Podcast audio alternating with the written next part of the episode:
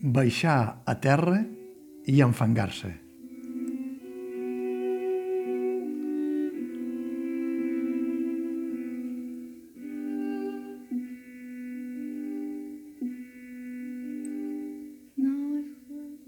Hi ha teatre experimental i experiments de teatre. El que el director Roger Bernat ha fet amb aquesta singular i oblidable miniversió de Terra Baixa és un experiment de laboratori teatral. Un experiment molt allunyat de la seva etiqueta d'enfant terrible, contracultural i contrateatral, guanyada en altres temps i que potser encara li és aplicable avui mateix si tenim en compte que l'any 2017 va ser distingit amb el Premi Sebastià Gasc d'Arts Parateatrals. Com a conillets d'Índies, amb perdó pels actors i actrius del repartiment, ha escollit una llarga llista d'intèrprets, fins a 78 noms, de tots els registres, estils i generacions. Alguns han desistit potser perquè han vist venir el pa que s'hi donaria o perquè tenien altres compromisos – i els ha distribuït en grups de mitja dotzena cada funció per convertir-los en una mena de zombis amb domèstics auriculars posats. Però, Roger Bernat, a veure, posats a experimentar en ple segle XXI i a l'any 2022, en l'era del Mobile World Congress, per què no has optat per aquelles enormes ulleres de realitat virtual que et fan viure en un altre món?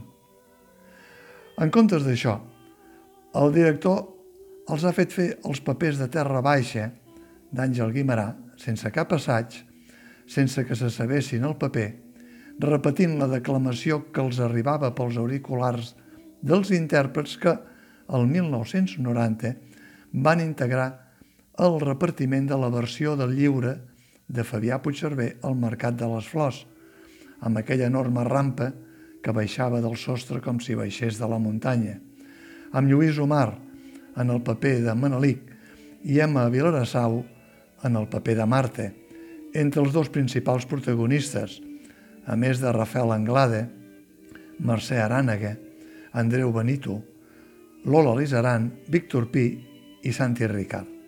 I el resultat, per divertit que pugui semblar, el fet és que per als espectadors és un autèntic nyap.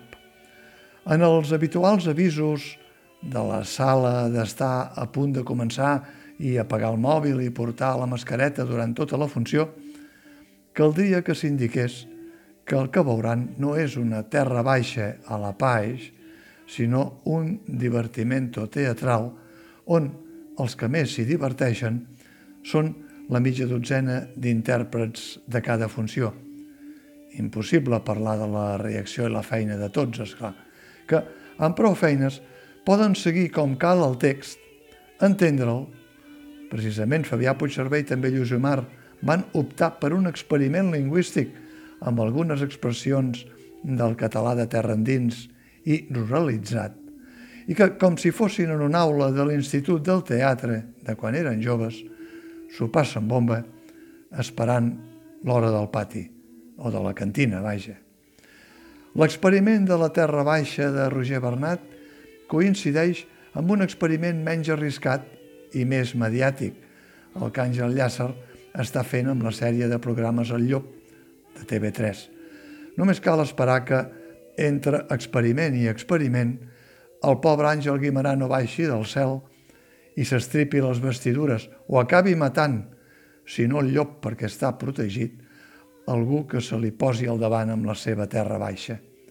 De fet, Roger Bernat no enganya quan en la presentació de l'obra confessa Potser sóc el menys indicat.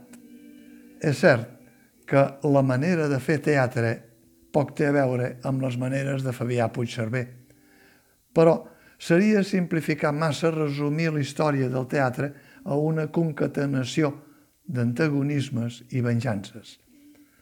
Encara que la terra baixa de Puigcerver, Omar, Vilarasau no sigui la que jo faria, no deixa de fascinar-me. Que Fabià donés un gir antimodern al final de la seva carrera i ho fes, precisament, en el Festival de Tardor i Preolímpic de Barcelona, no deixava de ser una botifarra al Covi i a la venda per catàleg de la ciutat. I ja hem arribat al cap del carrer, amb això que diu Roger Bernat. Si Fabià Puigcerver, segons Roger Bernat, el 1990 va fer una botifarra al Covi de l'època de Xavier Mariscal, ell ara fa una botifarra al teatre convencional en el sentit més ampli del terme. Potser perquè, com ell mateix diu al final, sóc un perfecte estranger, Roger Bernat és de mare belga, que s'apropa a un espectacle del que no pot reclamar la propietat per cap motiu. I tanmateix, potser sigui aquesta la raó per la que he fet aquest muntatge. Malgrat l'experiment teatralment fallit, totes les funcions del llibre de Gràcia tenen almenys un 80% d'ocupació de venda anticipada, si no exaurida. I és que, quan es tracta de terra baixa, el morbo escènic no té fronteres.